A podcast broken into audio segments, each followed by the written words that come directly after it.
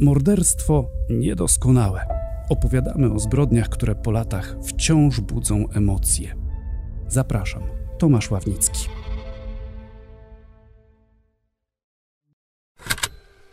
Gdyby się przyznał, że to on zabił, pewnie dostałby 25 lat więzienia.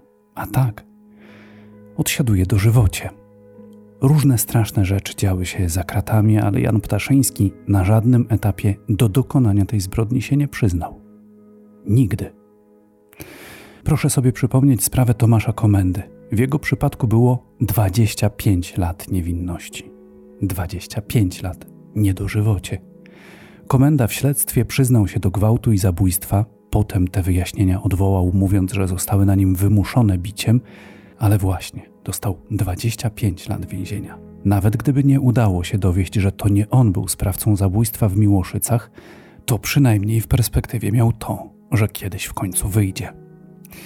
Jan Ptaszyński ze wsi Michnówka na Podlasiu takiej perspektywy nie dostał. Wprawdzie po 25 latach za kratami będzie mógł ubiegać się o przedterminowe warunkowe zwolnienie, ale czy z takim wyrokiem za zabójstwo młodej kobiety i jej dwójpółletniej córki z taką opinią biegłego, że może być niebezpieczny dla otoczenia? Czy ktoś na to się zgodzi? Pewnie nie będzie łatwo, bo w tej sprawie nic nie jest łatwe. Niełatwo też zrozumieć, jak na podstawie tak słabych dowodów, żeby nie powiedzieć, jak można było wręcz zupełnie bez dowodów wymierzyć komuś dożywocie.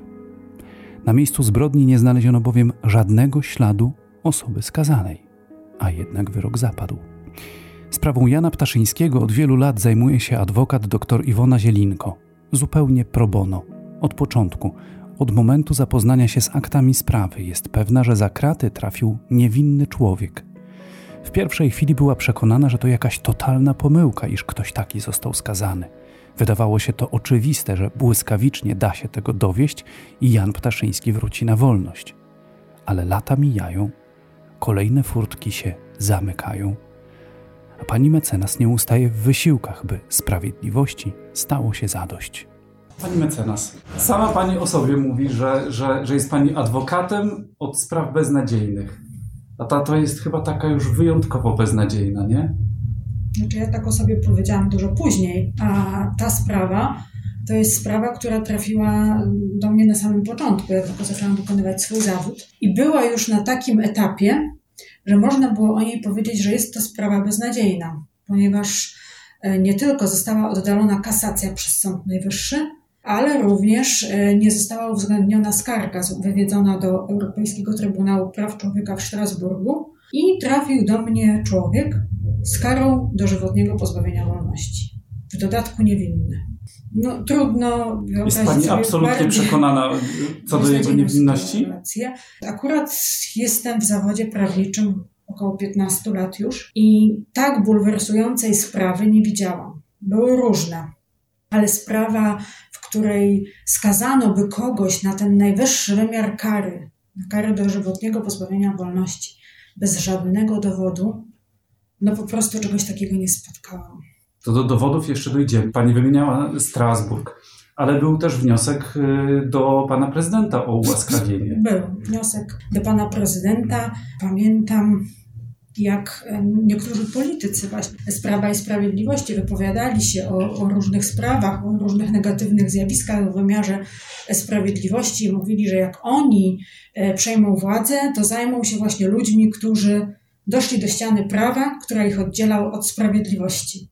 I naszym zdaniem, moim, e, skazanego, jego rodziny, właśnie z taką sytuacją mieliśmy tutaj do czynienia, dlatego też skazany bardzo wierzył. Tą sprawę angażował się no, obecny komisarz Unii Europejskiej, tak, wtedy europoseł, tak. pan y, Janusz Wojciechowski, to, to były prezes NIK-u, no, no, w sumie w świecie prawniczym autorytet, tak? Autorytet też o ogromnym doświadczeniu, jako sędzia Sądu Najwyższego też myślę, że e, wiele trudnych przypadków widział w swojej praktyce i on powiedział o tej sprawie w ten sposób, że on jest wstrząśnięty lekkością, z jaką sądy wydały ten wyrok dożywotniego pozbawienia wolności. I pan Wojciechowski do pana prezydenta w tej sprawie się zwracał. Zwracał się no, zwracał się też do, do innych instytucji, mhm. licząc, że uda się w końcu jakoś zmienić ten wyrok, jakoś pomóc temu człowiekowi.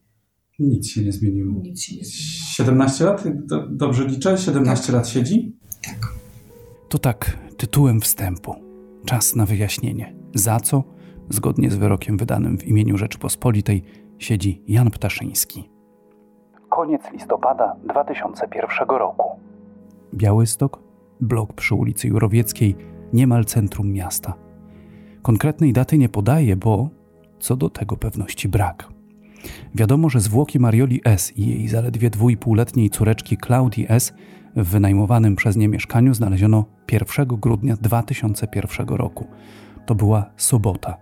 Do córki i wnuczki pojechał ojciec Marioli, zaniepokojony tym, że nie ma z nią kontaktu od czwartku, od 29 listopada. Była też z nim jego druga córka, siostra Marioli. Ponieważ drzwi do mieszkania były zamknięte i od środka nikt nie otwierał, tata Marioli dostał się do mieszkania przez balkon. W przedpokoju zobaczył plamę krwi. W łazience, w wannie zastał zwłoki i córki Marioli, i wnuczki Klaudii. Mężczyzna wezwał policję. Funkcjonariusze wypytali m.in. o to, z kim córka utrzymywała kontakty. Ojciec wskazał na Jana Ptaszyńskiego, bo para od kilku miesięcy spotykała się i był to już poważny związek. Jeszcze tego samego dnia policja go zatrzymała. Ptaszyński w tym momencie był poza Białym Stokiem od kilku dni. Od ilu? To też jest przedmiotem sporu. Z relacji świadków wynika, że w mieście był jeszcze w nocy z 27 na 28 listopada. Rano odwiedził w szpitalu swojego ojca, a potem pojechał do swojej rodzinnej wsi Michnówka – to blisko zalewu Siemianówka, całkiem niedaleko od granicy z Białorusią. Pojechał właśnie dlatego, że tata trafił do szpitala, aby mamie pomóc w gospodarstwie, między innymi z oddawaniem mleka do skupu. No i właśnie w Michnówce 1 grudnia 2001 roku Jan Ptaszyński został zatrzymany. Według wstępnych policyjnych ustaleń to on miał być bowiem tą osobą, która ostatnia widziała Mariolę i Klaudię żywe. Rodzina Marioli policji przekazała, że Jan jest dość dziwny, bo nie pije alkoholu, mało tego, nie lubi kawy czy herbaty, a do tego jest raczej typem samotnika. No i dochodzeniowa machina ruszyła. Policja i prokuratura namawiały Ptaszyńskiego, żeby do wszystkiego się przyznał. On do niczego się nie przyznawał. Po 15 miesiącach został wypuszczony, a postępowanie umorzone, bo śledczy absolutnie nic na niego nie znaleźli ale rodzina zamordowanej złożyła zażalenie. I dowody, powiedzmy w cudzysłowie, znalazły się. Powiedziała pani, że w tej sprawie nie było żadnych dowodów. To tak już w ogóle zaczynając od początku. Co pana Jana Ptaszyńskiego łączyło z panią Mariolą S? W mojej ocenie to była miłość. Niewątpliwie było w tym uczucie. Jak to w takich sprawach była, była też relacja intymna.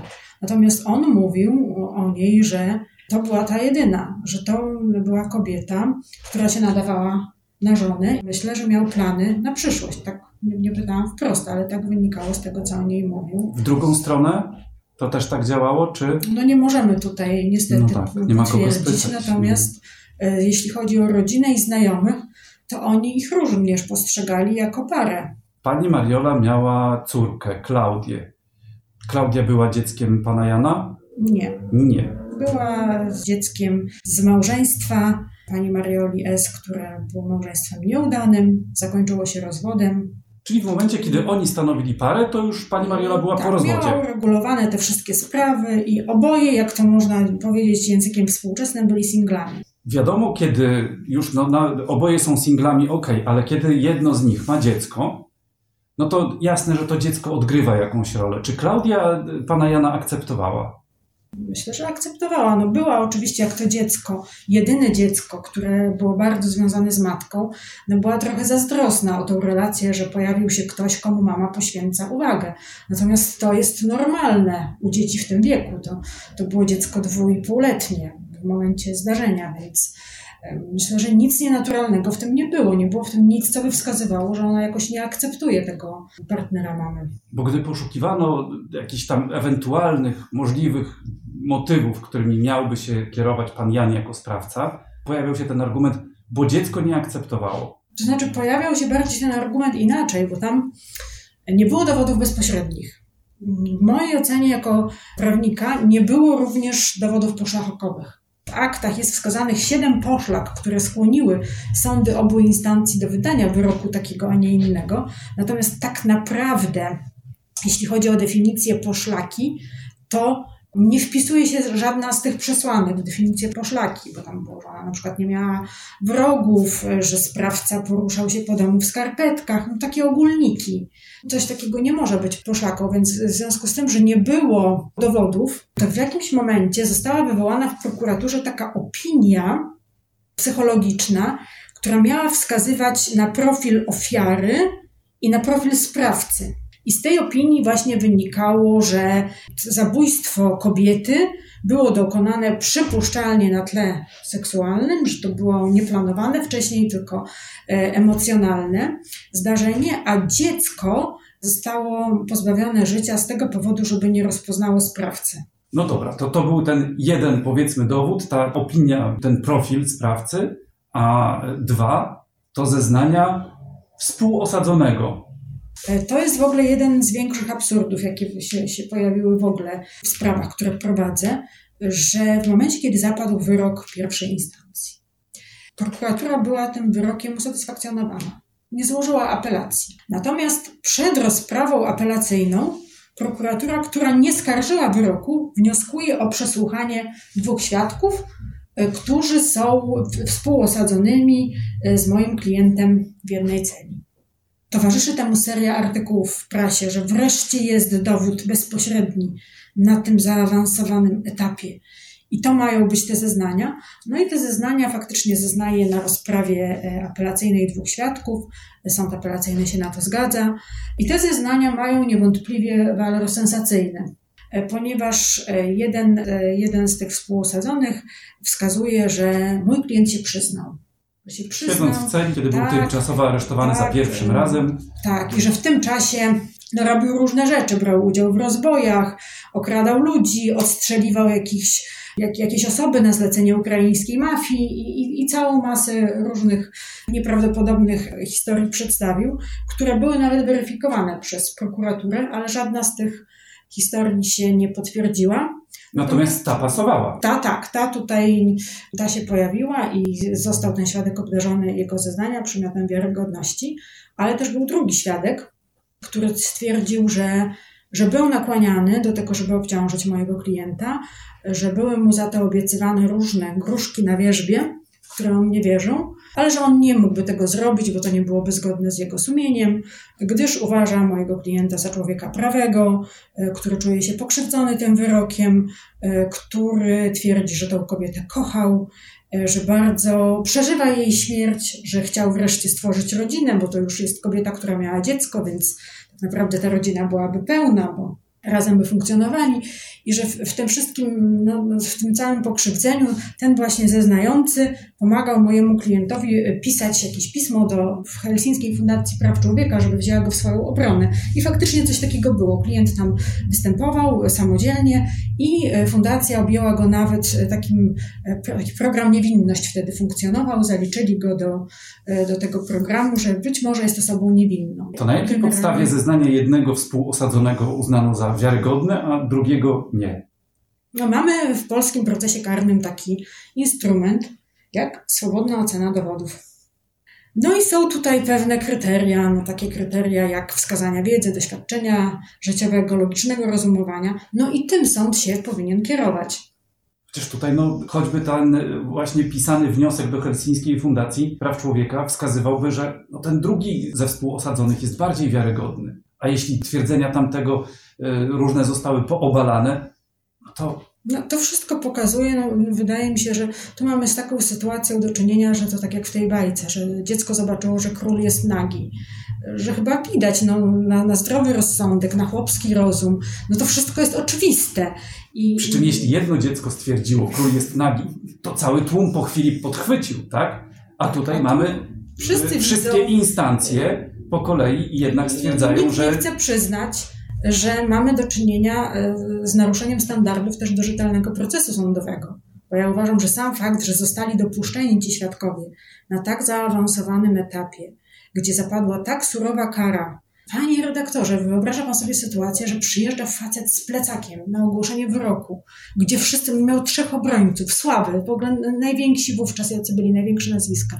I każdy mu mówi, proszę pana, nie ma dowodów, pana nie skażą. I wszyscy mu to mówią. I on przyjeżdża z tym plecaczkiem na ogłoszenie wyroku, staje, siada na miejscu dla publiczności i się dowiaduje, że został skazany na karę dożywotniego pozbawienia wolności. I zakuwają go w kajdanki na miejscu. Tak, i, i prowadzą go do zakładu karnego. Co przeżył w zakładzie karnym i w areszcie śledczym, to historia na odrębną opowieść. Pierwszej instancji przed Sądem Okręgowym w Białymstoku, wymierzając karę dożywocia, sąd w ustnym uzasadnieniu stwierdził, że przesłanką do skazania była seria poszlak układających się w logiczny ciąg. Dodajmy, wyrok ten zapadł 19 września 2005 roku. Jak na polskie warunki, biorąc pod uwagę ciężar gatunkowy sprawy, wszystko to stało się błyskawicznie, zaledwie nieco ponad rok po wniesieniu aktu oskarżenia. A i sam akt oskarżenia wpłynął do sądu w 2004 roku w tempie iście ekspresowym. Bo przypomnę, Jan Ptaszyński po zatrzymaniu w grudniu 2001 roku odsiedział w areszcie 15 miesięcy i w kwietniu 2003 został z niego wypuszczony. Prokurator Marek Rzędzian z prokuratury okręgowej w Białymstoku po ponad roku postępowania uznał, że dowodów przesądzających o winie zatrzymanego po prostu nie ma. W uzasadnieniu o umorzeniu śledztwa prokurator Rzędzian napisał tak. Dotychczasowe czynności, zarówno procesowe, jak i operacyjne, nie pozwalają na przyjęcie, iż sprawcą zbrodni jest Jan Ptaszyński. Wprawdzie jego alibi sprowadzające się do tego, że po odwiezieniu Marioli i Klaudii S. pojechał do siebie na wieś, nie do końca było realnie sprawdzalne, ale brak jest wyraźnego ewentualnego motywu działania. W tej sytuacji negatywne opinie biegłych dotyczące pozostawionych przez sprawcę śladów linii papilarnych i DNA włosa pozwalają na przyjęcie, iż Jan Ptaszyński nie popełnił zarzucanych mu zbrodni. Przeprowadzone do chwili obecnej czynności nie pozwoliły jednak na wytypowanie innej osoby, której można by przypisać popełnienie zabójstwa Marioli i Klaudii S. Dalsze czynności byłyby powieleniem poprzednich, gdyż wszystkie dotychczas ujawnione poszlaki sprawdzono. Dlatego umorzenie śledztwa po ponad 15 miesiącach od jego wszczęcia jest zasadne. Mimo umorzenia śledztwa sprawa nadal pozostaje w zainteresowaniu organów ścigania do czasu wykrycia sprawców lub przedawnienia. Jednak po zaskarżeniu tej decyzji przez rodzinę zamordowanej dochodzenie przejęła nowa prokurator Bożena Romańczuk – i choć żadne nowe dowody się nie pojawiły, to jednak nowa prokurator znalazła podstawę, aby wnosić akt oskarżenia. Wnioskowała też o ponowne aresztowanie Jana Ptaszyńskiego, ale białostocki sąd apelacyjny uznał, że absolutnie nie ma takiej potrzeby, ani nie ma podstaw. O zgromadzonych dowodach w uzasadnieniu pisał, że każda z przedstawionych poszlak jest co najmniej dwuznaczna, a mimo to w sądzie okręgowym, jak wspomnieliśmy, zapadł wyrok skazujący i później w apelacji również. Na jakiej podstawie? Według adwokat dr Iwony Zielinko, właściwie wyłącznie na podstawie opinii biegłych, że ma zaburzoną osobowość. Jak te opinie mogły powstać, to odrębny wątek i za moment w rozmowie z panią mecenas jeszcze do tego wrócimy. Najpierw spróbujmy podsumować, jaki materiał dowodowy w sprawie zabójstwa Marioli S. i jej córki udało się zgromadzić. Cofnijmy się do tego dnia zabójstwa. Wygląda na to, że on jako ostatni mógł widzieć żywą panią Mariolę, tak? To nie jest takie pewne. Dlatego, że tam przyjęto, że zdarzenie miało miejsce e, w nocy z 28 na 29 listopada 2001 e, roku. A tak naprawdę wielu świadków, którzy widzieli ich razem, Mówią, że to było 27 listopada, że widzieli ich razem, Jana, Mariolę i jej dziecko, jak szli do mieszkania Marioli przy ulicy Jurowieckiej w Białymstoku, bo ona tam mieszkała i przypuszczalnie on tej nocy spędził z nią noc i z rana pojechał odwiedzić swojego ojca w szpitalu.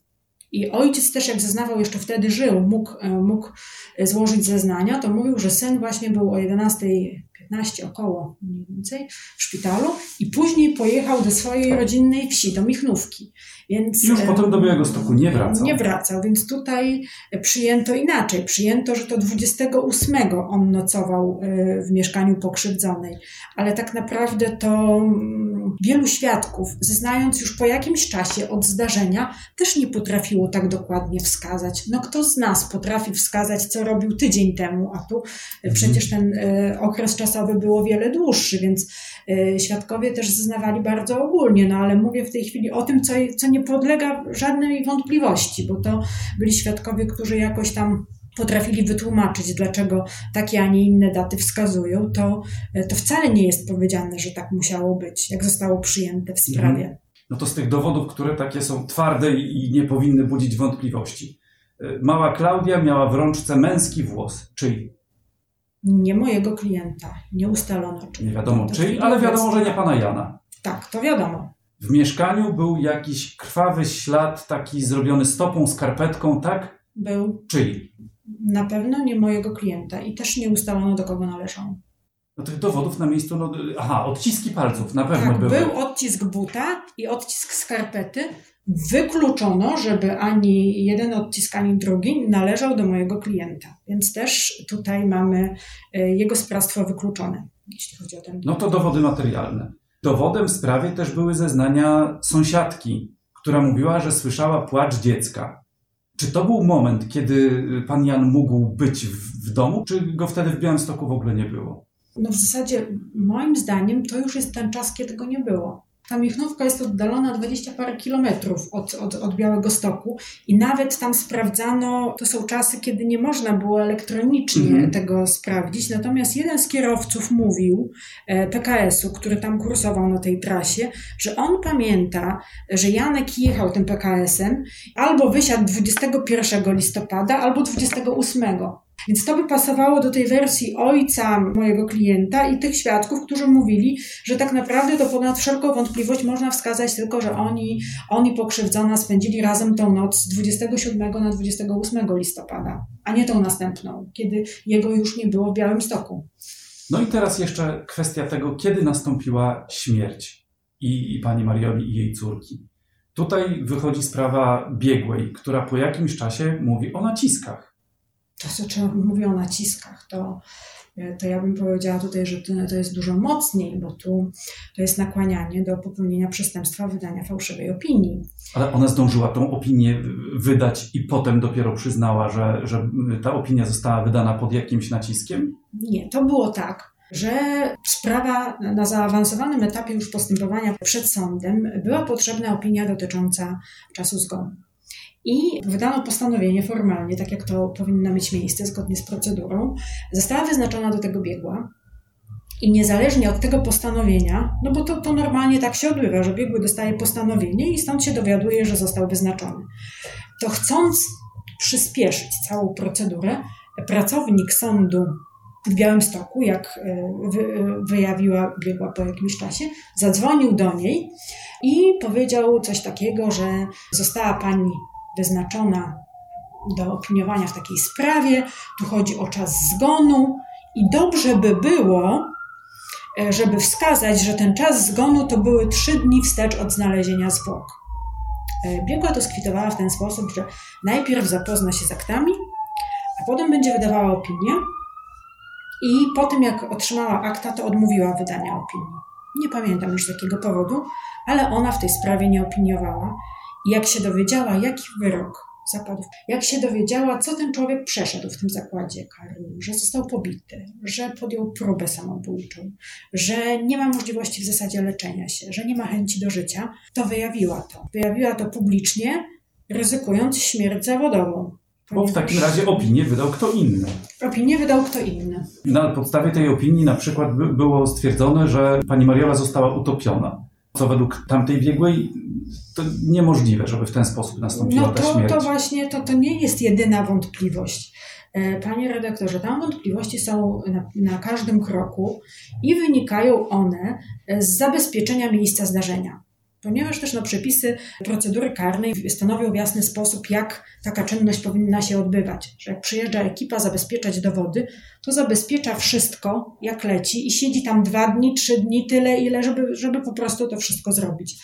A tam było tak, że niektóre dowody zostały zabezpieczone, potem sobie przypomnieli, że czegoś jeszcze no, nie zabezpieczyli, no to wracali i jeszcze próbowali coś zabezpieczyć że generalnie nie mamy tak podstawowych rzeczy jak temperatura powietrza, gdzie znaleziono denatki i e, pomiar temperatury ciała, bo to by pozwoliło ustalić czas zgonu, ale takich pomiarów nie ma. Nie no to, to już potem po czasie nie, nie ma sposobu, nie, żeby to nadrobić. No, no bo nie odtworzymy tego.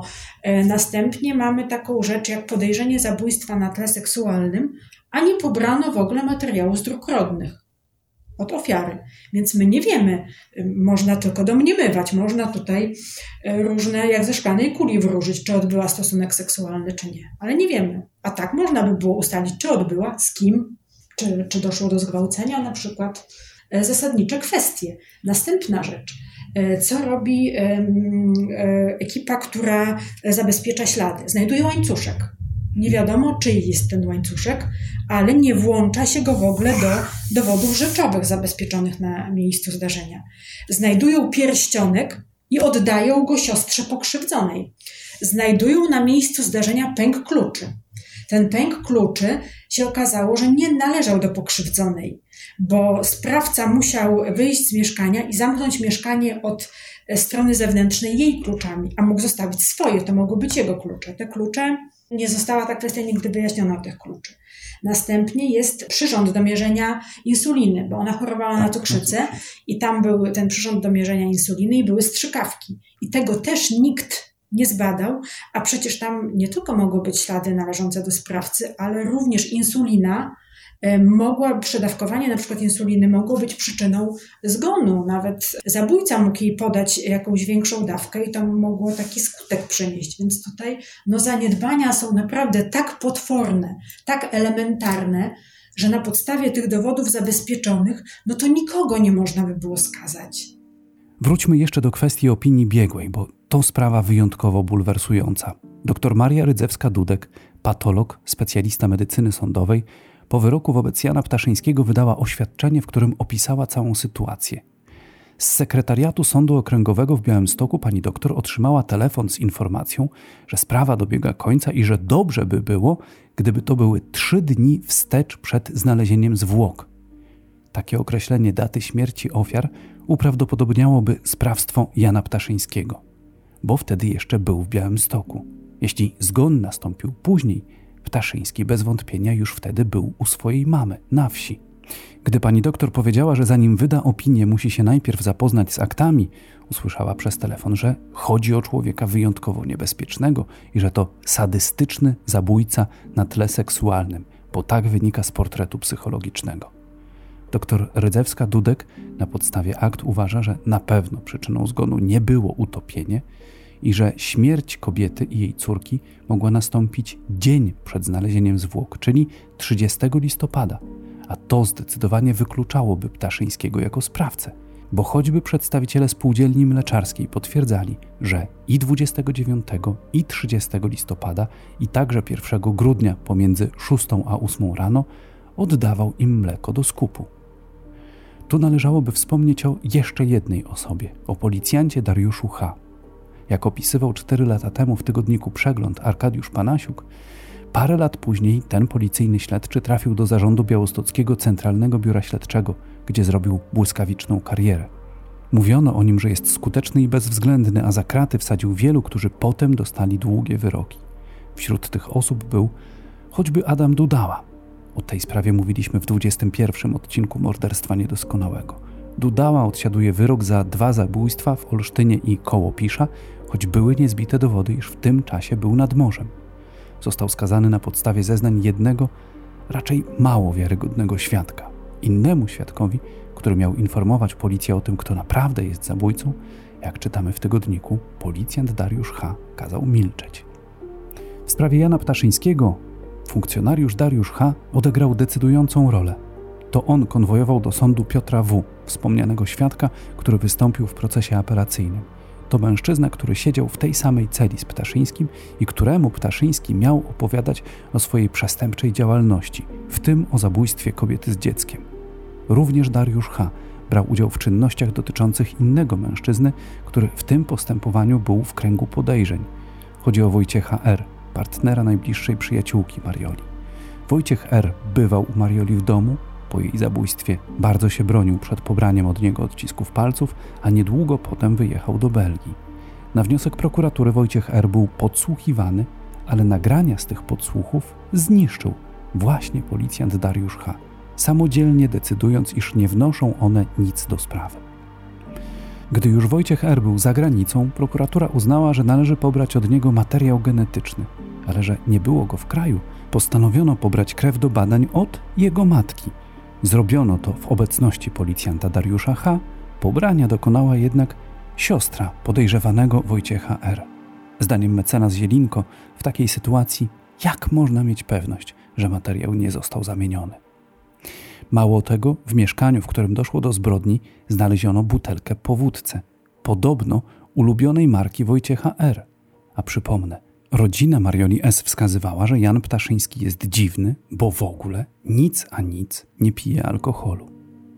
Zresztą mężczyzn w kręgu podejrzeń było więcej. To choćby były mąż, były narzeczony, czy też osoba z rodziny Marioli S. Na miejscu zbrodni w pościeli kobiety znaleziono czyjś włos. Ustalono, że nie jej, nie jej córki i nie Jana Ptaszyńskiego, ale czyj? Dalej nie próbowano ustalać. Takiego nagromadzenia absurdów, takich zaniedbań na pierwszym etapie postępowania jest cała masa. Jak zauważa dr Zielinko, przy tak zgromadzonym materiale dowodowym trudno cokolwiek ustalić. Jak w takim razie mógł zapaść wyrok? Wydaje się niepojęte. Sąd doskonale widział, że dowodów bezpośrednich nie ma. E, sąd widział tę sytuację, że, e, że na miejscu zdarzenia znaleziono krew, e, znaleziono odciski palców nienależące do mojego klienta, włosy też nie należące do mojego klienta, y, że odcisk palca skarpety i odcisk traseologiczny z buta wykluczyły sprawstwo mojego klienta. Sąd to wszystko widział, ale w, y, wydaje mi się, że tutaj ta sprawa została ukierunkowana przez dwie rzeczy. Właśnie jedną opinię psychologiczną, y, która wskazywała, kto mógł być tym sprawcą, i druga opinia, też psychologiczna, powstała z badania mojego klienta. Po takim 20-minutowym e, badaniu zaopiniowano, e, że ma osobowość dyssocjalną, czyli że jest psychopatą, że jest człowiekiem agresywnym wobec kobiet, niebezpiecznym. To tak wyglądało, jakby po prostu to jego badanie dopasować do tego badania psychologicznego, z którego wynikało, jaki ten sprawca powinien być. No, ale też właśnie pojawiały się opinie, bodaj ze strony rodziny pani Marioli, że pan Jan był dziwny, tak? Tak, to chyba największy zarzut, jaki w tym procesie pada pod adresem mojego klienta, to to, że jest dziwny. Na czym Że nie przepadał za ludźmi, nie pił alkoholu, nie pił e, kawy, herbaty. I to, to głównie dlatego. O, no to poważny zarzut. No, tak, bardzo. Tych mężczyzn, którzy tam byli typowani, było paru. W pewnym momencie y, pod uwagę brany był były mąż, tak? Tak. Były narzeczony, dziś bodajże nieżyjący. Mhm, niestety. I jest jeszcze jedna postać, człowieka, który potem wyjechał do Belgii. Yy, partner koleżanki. Dlaczego tego człowieka w ogóle w żaden sposób nie sprawdzono? To są nie do mnie pytania. Ja też tego nie rozumiem. Dla mnie to jest zdumiewające, że taka możliwość została niewykorzystana. A co na niego by wskazywało, że, że można by go brać pod uwagę jako osobę, która no, powinna być w kręgu podejrzeń? Podejrzenia w jego kierunku wysnuła jego ówczesna partnerka, która była przyjaciółką denatki. I ona wskazywała, że on się dziwnie zachowywał po zdarzeniu, ponieważ jak się dowiedział, że już tą sprawą zajmuje się prokuratura, że przestępstwo zostało wykryte, to spisał sobie na kartce wydarzenia z ostatnich trzech dni. I tą kartkę nosi. I jego partnerka tą kartkę znalazła i zapytała, co to jest. A on mówi, że w sytuacji, jeśli by nagle został zawinięty i zawieziony na przesłuchanie, to nie chciałby się głupio dać wyrobić w zabójstwo i on musi wtedy wiedzieć, co ma mówić. I dlatego sobie to spisał na kartce. To wzbudziło jej podejrzenia. No, ona tymi podejrzeniami się podzieliła z prokuraturą, z policją. Ale to z kolei w prokuraturze nie wzbudziło podejrzeń. Znaczy, no jakieś wzbudziło, no skoro objęli go kontrolą operacyjną, skoro pobierano od niego krew, to jednak um, nie Chyba nie pobrano, właśnie pobrano od matki. No tak? pobrano od matki, natomiast był to, to, to, inna sprawa, jakby wadliwość i absurdalność tego wszystkiego, co się działo wokół tej sprawy, natomiast nie zlekceważono tego tropu. Mhm. Ale no, nie doprowadzono go do jakiegokolwiek finału, do takiego E, ostatecznego wyjaśnienia. Tak, myślę, że y, gdzieś tam w jakimś momencie mój klient znalazł się w areszcie śledczym no i uznano, że to, że to już wystarczy. Już jak jest jeden kandydat, to po co szukać innych?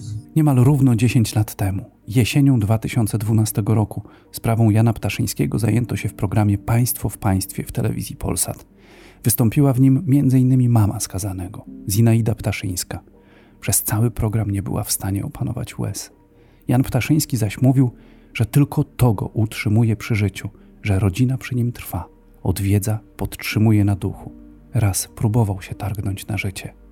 Jan Ptaszyński z więzienia w Hajnówce nagrał specjalne przesłanie dla mamy. Podczas realizacji tego materiału pani syn poprosił naszą reporterkę o pomoc. Chciał po prostu za pośrednictwem naszego programu przekazać coś pani z więzienia.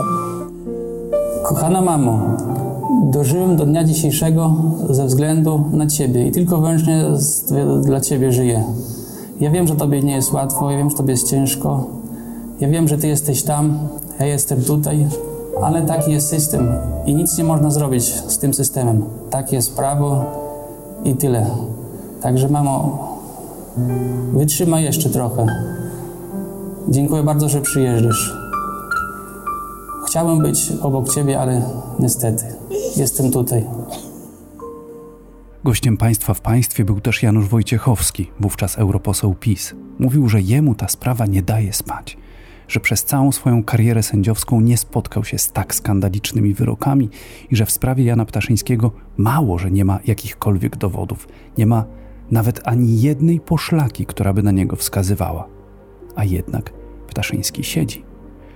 A wniosek do prezydenta Andrzeja Dudy o ułaskawienie został rozpatrzony negatywnie. Ale wciąż jest nadzieja.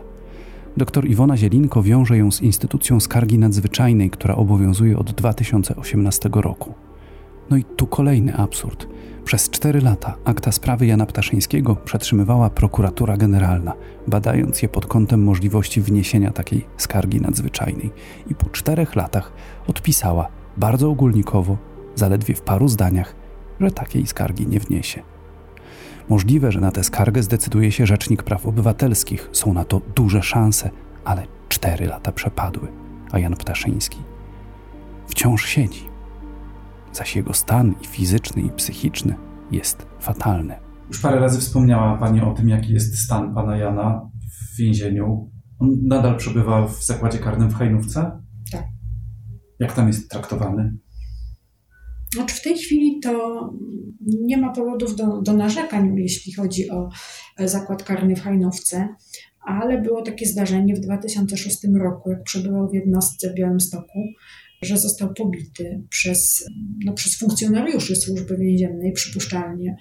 To zostało zgłoszone. Lekarz więzienny potwierdził obrażenia, które no, były bardzo dotkliwe i te obrażenia są tak poważne, że on do dzisiaj ma guz na kręgosłupie ten guz może się rozlać, to jest wskazanie do hospitalizacji i jest takie wskazanie, żeby on jechał do zakładu karnego w Bydgoszczy, bo tam jest oddział szpitalny i można by go było poddać badaniu, ale on po prostu przeczuwa, że nie wróci już żeby z tej jednostki. Woli zostać w małym więzieniu zostać, w Hajnówce, tak. gdzie jest spokojniej, tak. niż jechać do dużego, to, to są potulice, to jest ogromny rzeczywiście zakład karny, tak? Bo to ten pod Bydgoszczą pewnie tak, tak, ma na myśli. Tak. No tak, i, i tam już są sprawcy wielu ciężkich przestępstw. Tak, ale też no, każdy z nas ma instynkt życia, instynkt śmierci. No i człowiek, który tak wiele przeszedł, myślę, że ma jakieś swoje spostrzeżenia. A współosadzeni jak go traktowali? Różnie. Różnie. Pytam dlatego, że no, zdaję sobie sprawę, jak są traktowani w więzieniu dzieciobójcy, tak? No bo on na nim ciąży wyrok, że nie tylko zabił y, kobietę, ale że zabił dwójpółletnie dziecko. Znaczy, jeden z absurdów tej sprawy jest też taki, że, w pewnym, że media go skazały. Bo tam mniej więcej w czasie, jak została pozbawiona życia Mariola S., to były co najmniej jeszcze dwa inne przestępstwa na tle seksualnym, bardzo podobne. Pielęgniarka przy, też przy Jurowieckim tak, w sumie tak, prawie, tak? tak, tak? To, to, to, to, samo osiedle. I, I, I jeszcze jedno zdarzenie. No i to wybuchła afera medialna. Pisano o nim jako sprawcy jeszcze zanim został skazany. Ale też z drugiej strony, już po skazaniu, jak można było dostrzec e, słabość tego materiału dowodowego i, i, liczne absurdy, jakie wokół tej sprawy się zgromadziły, e, to liczni dziennikarze wzięli go w obronę. Wiele artykułów powstało na ten temat. Jeden też, że to jest zabójca to, taki jak każdy z nas, tak? Że, mhm. że na podstawie takich dowodów to każdego z nas można by było skazać za to przestępstwo. No tak się stało. Ja się w sumie nie dziwię skazanemu, że w pewnym momencie tego nie wytrzymał, że podjął próbę samobójczą, no bo no ile tak naprawdę człowiek może znieść? Tylko ludzie jesteśmy słabi, jesteśmy ułomni, każdy z nas coś ma. I to nagle przytrafia się taki dramat. On jeszcze parę lat temu mówił, że w sumie przy życiu trzyma go to, że jest jeszcze jego mama i on tak. chce dla niej żyć. Mama jeszcze jego żyje? Tak, jeszcze żyje. No ale ta nadzieja myślę, że tak powoli gaśnie, bo też jeszcze były jakieś możliwości na drodze prawnej, żeby jakoś ten wyrok zmienić, jakoś. E, on właśnie mówi bardzo często, że ja nawet, ja nie chcę żadnych pieniędzy, ja nie chcę nic od skarbu państwa, że, e, że bardzo często te takie dramatyczne przeżycia, których skazani doświadczają, są tak intymne, nie każdy się potrafi z nimi dzielić Czasami to widać No bo potem w przy tym procesie ten, odszkodowawczym musiałoby tak, być to wywlekane. Ten tak? strach, ale to, to nawet chodzi o to, że, że już nie chodzi o to, że, że co było, to było, tylko chodzi o to, żeby po prostu dalej żyć, że jeszcze zostało trochę tego życia i tak naprawdę można by jeszcze przeżyć to w miarę normalnie. A tutaj, no niestety, pojawiła się ta możliwość skargi nadzwyczajnej, jak światełko w tunelu, i on bardzo w to wierzył. Ja oczywiście od razu napisałam projekt takiej skargi nadzwyczajnej, bo widziałam tam mocne podstawy i wystąpiliśmy do Rzecznika Praw Obywatelskich. Byłam nawet na spotkaniu z posłem Wojciechowskim razem. Było zainteresowanie ze strony Rzecznika Praw Obywatelskich. I nagle oni, Biuro Rzecznika Praw Obywatelskich, występują o akta, i okazuje się, że nie mogą otrzymać akt do zbadania, ponieważ e, prokuratura e, generalna wystąpiła też o te akta i też badają pod kątem skargi nadzwyczajnej. I to jest 2018 rok. Boże, no to 4 lata. Tak. I my I, i jedni paraliżują drugich tak, i, i czas płynie, tak, a człowiek pisze, Ale my występowaliśmy do, do, do Rzecznika Praw Obywatelskich. W końcu pisze do mnie ten rzecznik i mówi, że tak, że myśmy wystąpili o akta. Tych akt nie ma, bo prokuratura e, generalna bada, ale jeżeli oni zakończą te badania i nie, nie znajdą podstaw, to my się nad tym pochylimy. Mhm. I co się okazuje? Że prokuratura generalna badała tę sprawę przez 4 lata. Ja występowałam co jakiś czas, co pół roku z takimi monitami, że na jakim to jest mm. etapie. Mam pisma, gdzie w 2019 roku pisali, że już są na końcowym etapie badania tej sprawy. I następnie w grudniu 2021 roku mój klient sam pisze już do prokuratury generalnej, pisze o swoim stanie zdrowia, o tym, że wymaga operacji na kręgosłup, że potem jak go pobili w, w areszcie śledczym, to tam się rozwinął nowotwór, ma pęknięty kręgosłup w dwóch miejscach, że, że naprawdę jego sytuacja zdrowotna jest rozpaczliwa i, i w związku z tym prosi, żeby to przyspieszyć. I faktycznie w, w styczniu 2022 roku przychodzi odpowiedź z prokuratury generalnej. Jest to odpowiedź taka merytorycznie o sprawie jednym zdaniem. Więc aż trudno uwierzyć, że to mm. aż 4 lata musiało zająć, żeby e, takie stanowisko opracować. Żadnego odniesienia się do mm. zarzutów, do niczego. Czyli nie teraz wiem. Rzecznik Praw Obywatelskich już ma te akta, czy nie wiem, czy już ma te akta, został poinformowany, no bo tak naprawdę rzecznik nie postawił sprawę jasno, że nie będzie nic robił, dopóki prokuratura generalna nie zajmie stanowiska. No tak. No dobrze, to, to jest, jest to jedyne szansa. światełko w tunelu, tak? W tej chwili tak. I ja żyję też cały czas z lękiem, co się stanie, jak już nie byłoby żadnych możliwości. Czy ten człowiek to wytrzyma? Kiedy y, pan Jan będzie mógł się ubiegać o przedterminowe zwolnienie warunkowe? Po 25 latach w świetle obowiązującego prawa. To też już w sumie nie aż tak daleko ta no, perspektywa. Nie aż tak daleko, tylko to jest tak, że dziwię się czasami, że w tych sądach, że z taką lekkością zapadają e, tak ciężkie wyroki, bo ludzie bardzo często tego nie wytrzymują. O tym się nie mówi, ale ja w tej chwili na przykład prowadzę przestępczość seksualną, gdzie bardzo trudno, nawet jak ktoś jest niewinny, jest wyjść z tego, bo sąd musi się tłumaczyć. Jeżeli kogoś uniewinni, to musi się tłumaczyć, dlaczego tak się stało. Jak kogoś skaże na podstawie wątpliwych dowodów, to nikt mu nie robi z tego żadnego zarzutu. I są takie sytuacje, że ludzie tego nie wytrzymują.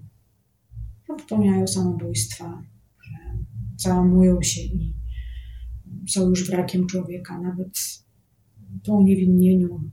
Faktycznie sprawa beznadziejna. I pani zajmuje się nią od 15 lat pro bono. Tak, jakoś nie mogę się z tym pogodzić. Zaczęła pani zupełnie na samym początku kariery. Wtedy, wtedy to ja myślałam, że to jest ewenement. Że nie można się z tym zgodzić, no bo jeżeli coś takiego się przytrafiło, to musi być jakaś straszna pomyłka. To na pewno da się szybko odwrócić. Jak tylko wszyscy zobaczą, zainteresują się, jakie tam są argumenty, y, to to, to wszystko się odwróci. I później okazuje się, że to nikogo nie obchodzi. Że sprawa zamknięta i koniec. Statystycznie odkładamy na półkę i, i są inne w toku. I nieważne, jakie jest, tam są argumenty, bo, bo nie można się tego chwycić. No to w pewnym sensie no, była w tym jakaś racja, no bo kasacja nie pozwala. To, co ja mhm. opowiadałam o tym, jak dowody były zabezpieczane, jak powstawał materiał dowodowy, to faktycznie to jest, nie jest materiał na kasację. No ale ta skarga nadzwyczajna, to jest właśnie do takich sytuacji. I tego pozostaje się trzymać i wierzyć ostatnia nadzieja. Oby tu udało się znaleźć sprawiedliwość.